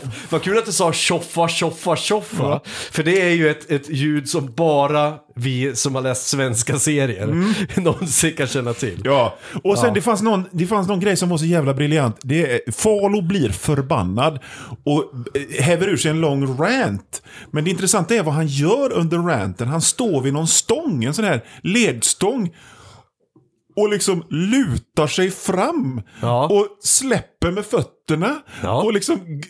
v- Träs, han har ju träskor också. Så Ja, att, eh, och så, och så, ja. så att han hamnar i 40 graders vinkel samtidigt som man kommer. Det, men det här är lysande. Det är ja. så jävla bra. Är det Jonas Danell som ligger bakom den Nej, också? Christer Pettersson, han är pensionär nu så att han Ja. har slutat göra den faktiskt. Okej, för jag så vet att det Herman en... Heding börjar väl som en gästserie i just Ute i vår hage va? Nej, den börjar som gäst i Fantomen faktiskt. Till, till och med där. Ja, Du, men- skulle, du skulle träffa min kompis Olof, han är gammal Fantomen-junkie. Okej. Eh, eh, Fantomen och Spawn är Ja, ja, eh, stora, eh, stora grejer. eh, Men, eh, så att eh, han skolar mig i, Ja, ja. i Fantomen. Jag har ingen aning. Jag bara säger, ja, ja, ja Ja. okej, Fantomen är det här. Men han kan förklara allt. Han vet exakt så här. Jag bara, What's, men vad är Fantomens deal? Alltså, alltså, vad gör han? Jo, men han ska slåss mot... Och så berättar han om några jävla pirater. Jo, men det har ju gått flera hundra år. Mm. De här piraterna, ja men de finns kvar. Ja, det ja. De, har, de har utvecklats lika mycket som honom liksom. Jag måste, jag måste bara berätta, liksom när jag köpte, när jag ska, skaffade den första bunten med buskisserietidningar Ja. så, så läste jag ett av eh, de nyproducerade, för, eh, Kron, för Kronblom är en veckoserie, den gick i Allers. Ja. Det var så den publicerades. Och sen så gick den i 91 och då började han här Gunnar Elof Persson startade serien så började hans son Gunnar Persson och så ritade han den i 50 Men vem var det år. som var nazist? Det var inte han va? Det var Åsa-Nisse-gubben det va? Det var, det var Åsa-Nisse-gubben, han som skrev novellerna om Åsa-Nisse som gick i en tidning som heter Levande livet. Ja. Stig Cederholm, han var väldigt mycket som, om du känner till Johnny Bode. Om jag känner till Johnny alltså, Bode. de, de två är väldigt lika, liksom, båda två blev sparkade ur SS för Ja. att de typ stal. och, och Stig Cederholm eh, eh, sk började skriva Åsa-Nisse-novellerna på- när han satt på mentalsjukhus när han väl hade kommit Ja. tillbaka till Sverige efter han kom, tillbaka från Tyskland. Så började han skriva de här novellerna som är en rip-off på en annan figur som heter Janne Wängman. Okej. Eh, som, som är Åsa-Nisse, hembränning, tjuvjakt Ja. och, och dialekt. Ja. Eh, och, och, men, men serien Åsa-Nisse är en spin-off på filmerna. Så det är väldigt... Det är väldigt det är, det är, så filmerna kom innan serien? Ja. Åh fy fan, Så, det var news så, och mig. filmerna kom, den första filmen kom 1955. Ja. Och så, och, och så, så, det, så började den som en veckotidningsserie. Eh, och då var det liksom bara en cash-in på filmerna, så det är väldigt långt ifrån nazi-killen. Men jag läste en, eh, i alla fall den här Gunnar Pettersson, han, han skrev, han gjorde en serie och den var från 2015 någonting. En lång serie om, Gun, om, om Kronblom när han var i stan. Och så skulle han visa hur konstigt det var i stan. Oh, det, stan vet du, det är farligt. Då ritade han någon som gick omkring i kavaj och inte hade några byxor och höll en fisk under armen. Var det hans bild av hur stadsbor Ja, såg så ut? det är konstigt i stan liksom. Det är så Ja, jävla alltså, eh, eh, nog för att vi, eh, jag, jag uppmuntrar, eh, jag uppmuntrar s- sidospår. sidospår Men det här, hell. det här är sidospår från hell. Och vi säger så här, eh, jag, jag önskar verkligen att du vill komma tillbaka och vi ska göra om det här. För då, då, ska, då, då ska jag välja en, en film baserad på en serietidning så Ja. vi kan få anledning att prata om Ja. det. Jag tror jag ska välja Fantomen med Billy Zane. Ja, just det. Mm. Så, så, har du sett den? Ja. Den är fruktansvärd. Den är, den är fasansfull. Eh, men då har, vi, då, har vi, då har vi anledning att prata om den och kan, så kan vi verkligen vrida ut rasen ur Fantomen. Förlåt att jag sidospårar. Ja men det är helt okej! Ja. Och det är helt okej, men bara det att fan, vi skulle haft ett specialavsnitt där vi bara skulle kunna prata svensk seriehistoria. Ja, ja, absolut. Eh, men, några slutord om Best in Show. Favoritscen? Favoritscen är, det är nästan eh, eh, kommentatorn, Fred Ja. Willard. Och liksom, How much do you think I bench press? Ja. Det där. Eh, jag älskar honom. Ja, han är, fa- han är fantastisk. Ja. Jag skulle säga att min favoritscen är nog, trots att jag hatar dem mest av alla, är nog scenen där hon då ska in och köpa den där jävla Bumblebee. Alltså för det är så jävla absurt och det är så, jag satt och, jag satt och garvade sin helvete. Återigen, för att hon spelar ner det så förbannat. Innan den här ofrånkomliga urballningen som vi vet kommer att komma, så lägger de band på sig. No, no, that's, that's a bear in a bumblebee, in, in, a, in a bee costume. Och verkligen så här, tar ett djupt andetag och, och håller i. Och man vet att liksom, okej, nu, nu, nu smäller det. Man sitter och håller i sig. För man vet vilken jävla attitydproblem hon har. Ja. Eh, men återigen, den här filmen, jag tycker om den så mycket. Och jag tycker om karaktärerna så mycket. Jag sitter där på tävlingen och, och, och tänker så här, fan jag vet inte vem jag hejar på. För alla är såna, det är så mycket hjärta. Mm. Och det märker man att de här skådisarna, de har byggt karaktärer som de har lagt hjärta och själ Ja, visst. bakom. Och det hade inte funkat om det inte fanns en, en, ett ankare som är dessa karaktärer. Och, och så just de här små detaljerna. För att vi har pratat om improvisation, improvisation jävligt mycket i, Mm. i det här. Men så kommer den här detaljen med the bear in the bumblebee suit. Ja. Och det är fan inte improviserat. Det är någon som har kommit på det. Det ska vi ha med. ja. Som en krydda i allt det här. Så det är verkligen... Det är så mycket som pågår i den här filmen. Utan för att det ens, för den saken skulle vara överlastat. Nej, men jag, och som sagt, jag tror att den här filmen, den vinner på att man ser den flera gånger. Ja, Eh, för då kan man börja lägga märke till de här subtila sakerna som händer i bakgrunden. Bara, till, bara en sån sak som att statisterna är fantastiskt. Men de hade väldigt låg budget i den här filmen. Där fick jag veta också en liten kul trivia. På hundutställningen där så är det 90% kartonger som Jaha. sitter i publiken. Alltså cardboard, de har cutouts. Så de satt en hel dag, hela ensemblen, och klippte ut eh, låtsasfigurer där. Allihopa, till och med all, alla de här skådisarna som vi annars, liksom, du vet ju skådisar, vi har en bild av att de ska vara bortskämda och att de ska vara divor. Nej, de satt i ring och hade en mysdag där de satt och klippte ut kartonger. Fan, vad häftigt. Och målade dem och satte upp dem där för att göra upp den, sätta upp den här, för att få en känsla av att det är jättemycket folk Ja, i jag ska, här. det ska jag fan kolla efter Ja. när jag ser det nästa gång. Nej, det, och, och det, det, märks att, det märks också att de har haft kul när de spelar in filmen. Eh, för man märker att de hela tiden ifrån en, en äh, att jag får bryta för att de börjar garva. Liksom, ja. För att de, de här skådisarna, man ser hur de tittar på varandra, att de tycker, det är genuint. Ja. De tycker om varandra. Men de har ju som sagt gjort rätt många filmer ihop. Ja, och det är sån kemi och, ja. och, och det är gjort med kärlek.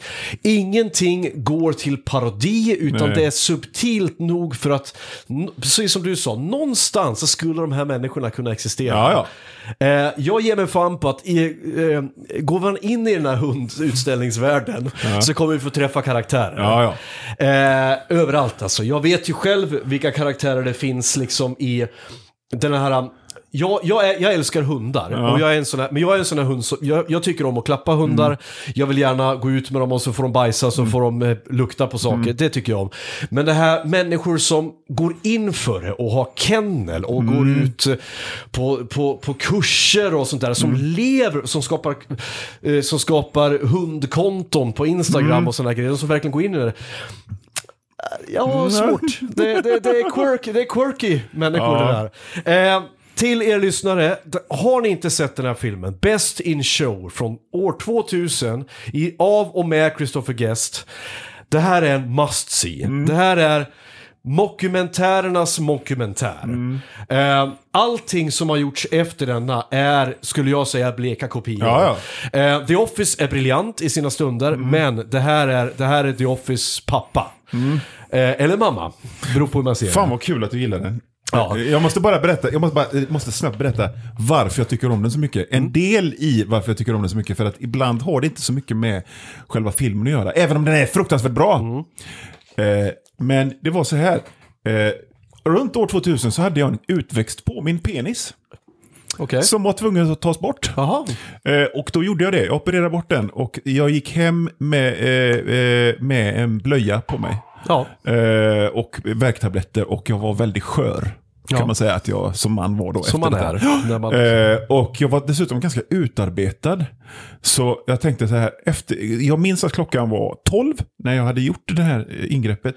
Och så går jag hem och så, nej men jag ska ta några dagar ledigt nu. Och det första jag gör är att se Best in Show för första gången. Oj, ja. Så därför har den också så väldigt viktig betydelse för mig. Det är därför, av alla, liksom alla dessa år av filmer som jag har i mitt huvud, så är det faktiskt den jag tycker är bäst av alla filmer. Eh, och lite därför. Vad men vilken men- tur men jag vad- hade att det var den jag såg och inte Sean Banan i Seanfrika. Ja. Som i och för sig kom Vad kul senare. att du nämner just eh, Sean, för den, eh, jag har en tidigare gäst, Andreas Scheffel, som har varit här.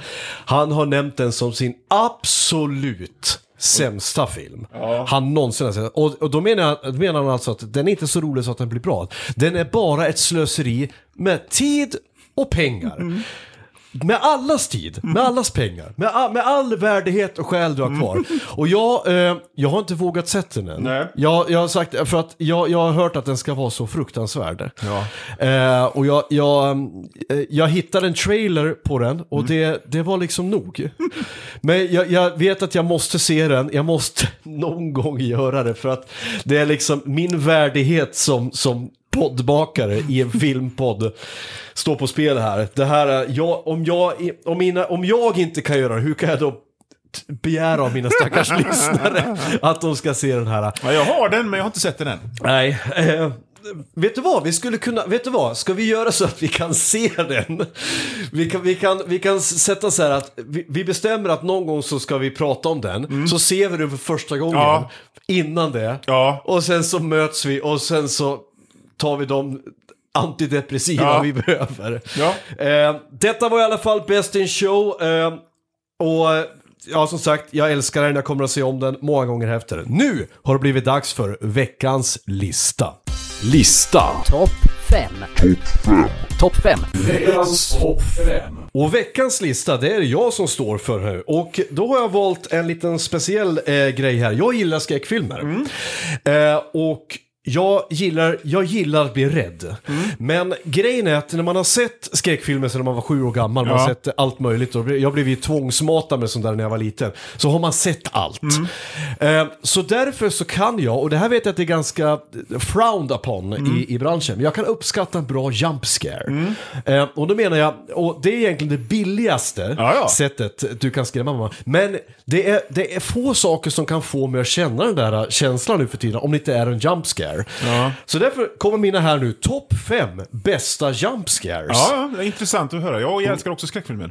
Okej, nummer fem. Det är en ganska ny film eh, från eh, The Conjuring. Ja, det har jag inte. Eh, där är en scen, den The Conjuring eh, kan jag rekommendera. En klassisk eh, eh, Det spökar i huset-film. En familj flyttar in i ett hus och konstiga saker börjar hända. Och där är en scen där, mm, där mamman i huset leker kurragömma med, sina, med sina barn. Och eh, då har de en liten grej att när, eh, när man, man får be om en ledtråd, klappa. Så, så klappar man så kan, så kan man liksom ungefär leta var, var de är någonstans. Och då är det, eh, då, då, eh, vet du det, då, då har hon bett om två klappar, man får alltid tre klappar då. Och då, då, hon kan inte hitta sitt barn, så då, då är hon nere i, sitter precis i källaren, eller i källartrappen. Och hon har precis öppnat där, och sen så, så ber hon om en klapp till. Och bakom henne då dyker två händer upp som är så här likbleka och klappar och källardörren smäller igen. Och där, där, där satte jag hjärtat i halsgropen. Ja, ja. Och det, så, det här är ju tråkigt eftersom du inte har sett filmen. Men du kommer, du kommer inte veta, du kommer veta att det kommer nu. Ja. Men det är otroligt bra och effektiv jump scare. På jä- fjärde plats. Nu blir det en ganska, nu blir det en klassiker. Från 1988. Besökarna. med Kjell Bergqvist. Eh, och det här är ju en Åhlén Den har jag sett en gång, men jag kan inte minnas att jag minns någonting. Nej, alltså grejen är att jag, jag har ju en liten, s- ja, en liten svaghet för den här filmen, för jag tycker att den är charmig. Vi är ju inte bortskämda med svenska skräckfilmer, Nej. vi säger så. Och det här är en eh, film som eh, faktiskt, eh, tycker jag håller. Eh, Johannes Brost spelar någon slags Ghostbuster och, och Kjell Bergqvist är Kjell Bergqvist. Och Lena Endre Eller en ändre. Eh, och de flyttar in i ett, i ett hus och så börjar det spöka. Och i, om du kommer ihåg i klimaxet i den här filmen. Så, så, så klättrar Kjell Bergqvist upp med Ghostbuster-utrustningen upp på taket och så hoppar han in genom en lucka till demonrummet som ligger uppe på vinden. Och så ramlar han in genom taket och blir hängande upp och ner i Ghostbusters-utrustningen. Och då börjar helt plötsligt, då, då filmar de på en spegel. Och, eller, eller en dörr eller en spegel eller någonting. Och så kommer det lite grön sån här, sån här rök. Det är väldigt låg budget detta. Och man, man hör liksom så här en massa eh, så här elefantkliv liksom. Att någonting kommer närmare. Och han försöker ta sig upp, ta sig upp, ta sig upp. Och så helt plötsligt blir allting tyst. Och han vänder sig om. Och helt plötsligt där, i bilden, så får vi då för första, gång, första och enda gången i filmen se den här demonen. Ja, ja, ja. Som, som är då en sminkad gubbe med, som ser ut som någon slags zombie. Och det var så oväntat. Ja. Fr- fr- från att den här filmen har jobbat bara med med subtila saker som musik och ljudeffekter Mm. och för att bygga upp en atmosfär. Så helt plötsligt så dyker upp en fucking demon Fan, jag ska, måste se om den. Och jag har någon slags eh, streamingtjänst där den finns faktiskt. Cultpix heter den. Jag, ska, jag måste se den igen. Ja, men kolla in den Mm. alltså för att den håller. Men där kommer jag ihåg att där blev jag skiträdd för jag väntar mig inte det. Nej. Överhuvudtaget. Men om du såg den när den kom så var du ganska liten, eller? Det, jag såg den inte, absolut inte när den kom. Jag såg, den hade några år på nacken när Ja, jag ja. såg den första gången. Jag var säkert 14-15 Ja. År. På tredje plats, inte en skräckfilm, men en thriller. Mm. Seven, från 1997. Eh, när eh, Brad Pitt och, och eh, Dustin Hoffman tänkte jag säga, nej men vad fan heter han? Eh, men gud, Morgan, Morgan Freeman. är två poliser som utreder eh, en, en massa mord där en mördare mördar folk efter de sju dödssynderna. Mm. Och i ett av de här mordscenerna så kommer de in till en kille som då, där de har skrivit lättja på väggen, eller sloth. Just det, den minns jag. Mm. Ja, och där ligger då en, en, en, en mumie, mer eller mindre. Eh, totalt uttorkad och, och, och, i, i sängen liksom och, och utsvulten.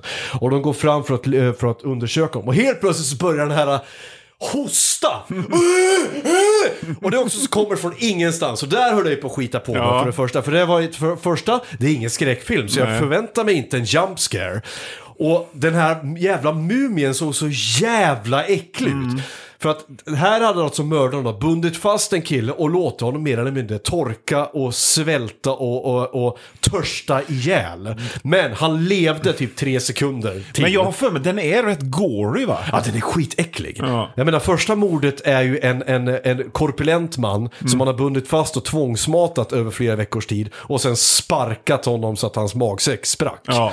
Den är otroligt äcklig. Så att det finns ju ändå liksom någon slags förväntan av att det är ändå liksom skräckfilmens air. Jo, jo, jo, men atmosfär och allt det där köper jag. Men jag hade inte förväntat mig en Nej. jump scare. Nej. Jag hade inte förväntat mig liksom det som mer eller mindre skulle vara ett jävla, en jävla zombie Nej. dyker upp där. På andra plats, klassiker, Jaws. Ja, ja, ja, ja. ja. Eh, och då vet du vilken scen jag tänker på. We gonna need a bigger boat-scenen. Där... Eh, Det är eh, också en film jag inte sett på evigheter. Jag trodde du skulle säga det här, men för det, jag vet vad min jump scare var i den. Ja, eh, jag kan säga min Mm. först då, så får vi se. För, eh, det är då scenen när, när eh, de, då Richard Dreyfuss och Roy Scheider och, nu kommer jag inte ihåg vad skådisen spelar kaptenen heter. Men de är ute med båten och eh, de har inte hittat hajen än. Men då står Roy Scheider och kastar ut, eh, kastar ut eh, fiskrens ut i båten. Och, och så, eh, man ser honom i förgrunden och helt plötsligt i, i bakgrunden så dyker hajen upp från ingenstans. Man hinner precis uppfatta att någonting är under ytan och där, BAM! Helt plötsligt så är den in our faces liksom.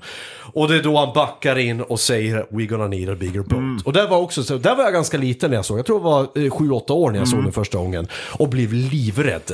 För det är också först, eh, det är inte första gången du får se hajen i filmen. Nej. Men det är första gången som hajen skrämmer Ja. verkligen. Men vilken tänker du på då? Jag tänker på när man ser den här halva tjejen. När de är nere och dyker? Nej, och, men är det inte så här? Det kan vara så här, för det, grejen är, jag har sett Hajen flera gånger.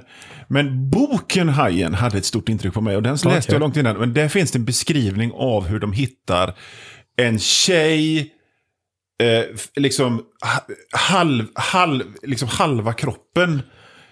Och det... Jag tror att de klippte bort det i filmen. Jaha, okej. För, att, då, det- då har jag min- geggat ihop det i huvudet med boken. För att då Det jag minns bara, att de hit- Oh, vad äckligt, för det är en halv tjej liksom. Men I filmen däremot vet jag att de hittar eh, en av de första fiskarna som Mm. försöker fånga hajen. Eh, typ, eh, eh, han är nere och simmar och så helt plötsligt så, blä, Ja. dyker upp eh, ett huvud eller något Ja, liknande. det kan vara det. Och så kan jag ha geggat ihop det i huvudet. Men som Ja. sagt, det är säkert 30 år sedan jag såg den. Och på nummer ett, Ja. eh, min absoluta, och det här det säger jag också därför att det är min, eh, inte bara min favorit jumpscare, det är den första jumpscare Okej. jag någonsin såg. Den första skräckfilmen jag någonsin utsattes för av min salig mor, Mm. eh, som visade, och det är från filmen Alien. Okej. Eh, Ridley Scotts, eller som han sålde in den, It's Jaws in Space. eh, det, är, det är en scen där då eh, kaptenen, som heter Dallas, i den här, eh, på den här, det här stora rymdskeppet, eh, har gett sig upp, han har en eldkastare och han har gett sig ut, i, det- eh, de har en, eh, på något sätt så spårar de den här, den här alienen, eh, alienen, eh, den här rymdvarelsen, eh, i ventilationssystemet och han kryper omkring där, det är klaustrofobiskt och jävligt. Och det är en scen där, där han säger att den är där, den är där, den är alldeles vid dig, vart då? Jag ser den inte. Och så vänder han sig om och där är den. Bam! Rakt i ansiktet och sen bim, försvinner det klassiska beep, han är borta. Och det var min första jump scare jag någonsin var med om och jag var så rädd. Jag var så rädd så jag var tvungen att stänga av filmen. Och sen, sen sov jag inte på ett par dagar. Jag, jag, tror jag, jag tror det tog en månad för mig att se klart filmen. eh, för sen blir den ju awesome. Sen blir den ju, sen, det är ju sen som Ripley blir Mina fucking awesome. dumma jävla kompisar ute på Hönö när vi skulle kolla på Alien. För jag hade Ja. hört talas om Alien. De bara, den är tråkig i 45 minuter. Så jag, första gången jag såg Alien så såg jag den liksom 45 minuter inspolad i. Men nu fan! börjar den bli bra. Så det var första gången Det är ju de första 45 minuterna som sätter liksom Nej. hela jävla stämningen. Mina dumma jävla kompisar. Nej, det är tråkigt. Ja, men eh, har du någon bubblare som jag, du tycker att jag har missat? I jumpscare, fan du sätter mig on the spot. Jag kommer ihåg att, jag menar jag, det kom en period när det kom jävligt mycket jumpscares. Jag kommer ihåg att jag låg och slötittade på Final Destination och bara Åh! Det- liksom- Final Destination, ja, just ja. Där, där- men där är det mest objekt som mördar folk Ja, va? men det var också så här, du vet, det kommer bara någon så här grisäckel ifrån ingenstans. Ja. Eh, Men jumpscare, nej, nej. Det, Ingen top of mind? nej, ingen top of mind. Och jag kommer att sparka mig själv för att jag inte kommer på någon Vilken är den läskigaste skräckfilmen du någonsin sett? Om vi säger så. Den som faktiskt, faktiskt fått dig att inte jättegärna vilja gå upp ur sängen och gå på toa på natten. Jag kan säga vilken min Ja. är i vuxen ålder och det är filmen The Babadook. Okej, nej den, den har, jag har den men jag har inte sett den. Du vet, jag, jag, är, jag är lite gammal va, så jag måste sätta på en film klockan åtta, annars somnar jag. Ja, och okej. därför blir det liksom att jag bara ser en film i månaden. Men en, en äcklig film som äh, äh, den. Ah, alright. Eh, så är en av de första jag såg också. Eh, jag och min kompis Anders, vi såg den hemma hos honom på hans loft. Och vi var tvungna att ta en paus och dricka vatten och vi höll bara tyst och tittade på varandra med stora Du menar den med Rutger Hauer? Ja. Ja, jag, jag, minns, jag minns den vagt. Jag minns inte att den var så otäck. Var det verkligen det? Ja, men du vet, de slits i bitar. Det liksom, han, han binder fast Jennifer Jason Lee mellan två bilar. Och, så- alltså, det, det, det, var... Jaha, det är mest gorigheter och Nej, obehaget. men det är inte går, utan det är obehag. Liksom, du vet, vi, vi var så oskyldiga. Vi visste inte att sånt här kunde finnas. Nej. Så, Oh, my sweet summer child. ja, det var verkligen så. Men nu vet du bättre. Ja, nu vet jag bättre. Sen, sen, jag menar, en, en, en, en, en film, den, den som är inne och sniffar på skräck som jag har sett senast, som faktiskt fick mig att må illa. Det är en jävligt rolig film, en tysk film som heter Den vidrige herr Honka. Som handlar om en Okej. tysk seriemördare som fanns på riktigt. Jaha. Och filmen är så skiten och äcklig så jag mådde verkligen på riktigt illa i magen när jag såg den. Men den är också väldigt rolig. Ja. Och just, just den här juxtapositionen av det, en riktig äcklighet och att den faktiskt är jättekul. Gjorde att jag kände mig väldigt konstig och som om jag hade ätit för mycket mass- eldråd-massariner. Jag kan säga att jag har väldigt svårt för, alltså, jag har väldigt svårt för bleka slut. Alltså, och då menar jag bleka är som att det inte går bra för... Mhm. Jag vill ändå, därför jag tycker om Texas Chainsaw Massacre. För, det, för okej, okej. ah, det, går ändå, det går ändå bra. Okej, in- hon, kom, okej, hon kommer vara traumatiserad för livet Mm. och hon kommer förmodligen inte leva jätte, speciellt lyckligt efteråt. Men hon klarar sig i alla fall. Men ta en film då som till exempel Eden Lake. Om du har sett den. Nej. Nej, den, eh, den slutar otroligt blekt. Ja. Eh, eh, vad har vi mer? Eh, Hostel Ja, slutar ju fruktansvärt. Men det jag där tycker- tål jag inte. Nej, liksom. men jag, jag kan tycka att det är så här... När, när det bara är liksom, de badar i, i, eh, i, i, i misär och, och går. Men en, apropå tysk film, har du sett filmen Funny Games? Ja. Den slutar blekt. Ja. Och den är så här, där jag sitter och, den är inte så läskig, men den är obehaglig. Ja. Och den är verkligen så här att, nej fy fan, jag mår dåligt. Jag mår dåligt på grund av att det här är bland det mest obehagliga jag sett Ja. i mitt liv. Ja. Och inte nog med att det, slutar, det går åt helvete för, för den stackars familjen de, de, de terroriserar i början. Det går åt helvete för nästa familj som de ska Mm. Ja. ge sig på i slutet av filmen också. Så att det är bara elände. Men det här får vara allt för Cineastpodden den här veckan. Ni lyssnare, vad är eran favorit jumpscare? Vad tycker ni om Christopher Guests eh, Best in Show från 2000? Eh, och vad är den absolut läskigaste skräckfilmen som ni någonsin har sett? Skriv gärna i kommentarerna. Eh, jag har ju en Patreon, även om jag, det är inte jättemånga som, som, eh, som ger mig pengar, men jag vill ha era pengar. Ge, ge, mig, ge mig alla pengar Ge. Andreas era pengar. Ge mig era pengar så att jag kan köpa eh, lite finare fikabröd än mandelkubb och kaffe till mina eh, kära gäster. Eh, jag finns på Facebook, jag finns på Instagram och sånt där skit. Ni kan gilla och skriv sånt där. Jag- Egentligen vill jag inte att ni gör det. Eh, Jo men gör det, gör det så att det ser ut som att jag får... Jag vill helst bara att ni lyssnar på podden. Jag vill att ni, ni pratar film med mig, för det här är lustdrivet av mig. Det är det enda jag vill göra. Jag vill bara prata film hela dagarna och, och bara nörda. Tack så hemskt mycket Johan Van... Tack. Vanlo? Vanlo? Vandlo säger vi. Vanlo, för att du... Du van vid, även om det är fel. även om Wikipedia säger att jag har sagt fel här ska skriva hytta med näven åt Wikipedia. Tack så hemskt mycket för att du kom. Jag hoppas jättegärna att du vill komma tillbaka. För det här har varit eh, två av de roligaste timmarna eh, i mitt liv. Den här veckan i alla fall. Och tack så hemskt mycket för att ni har lyssnat. Ha det bra, hej! Hej! Say hello to my little friend. Yo, Adrian! Adrian! Here's Johnny. I did not hit her. It's not true. It's bullshit. I did not hit her. I want the truth. You can't handle the truth.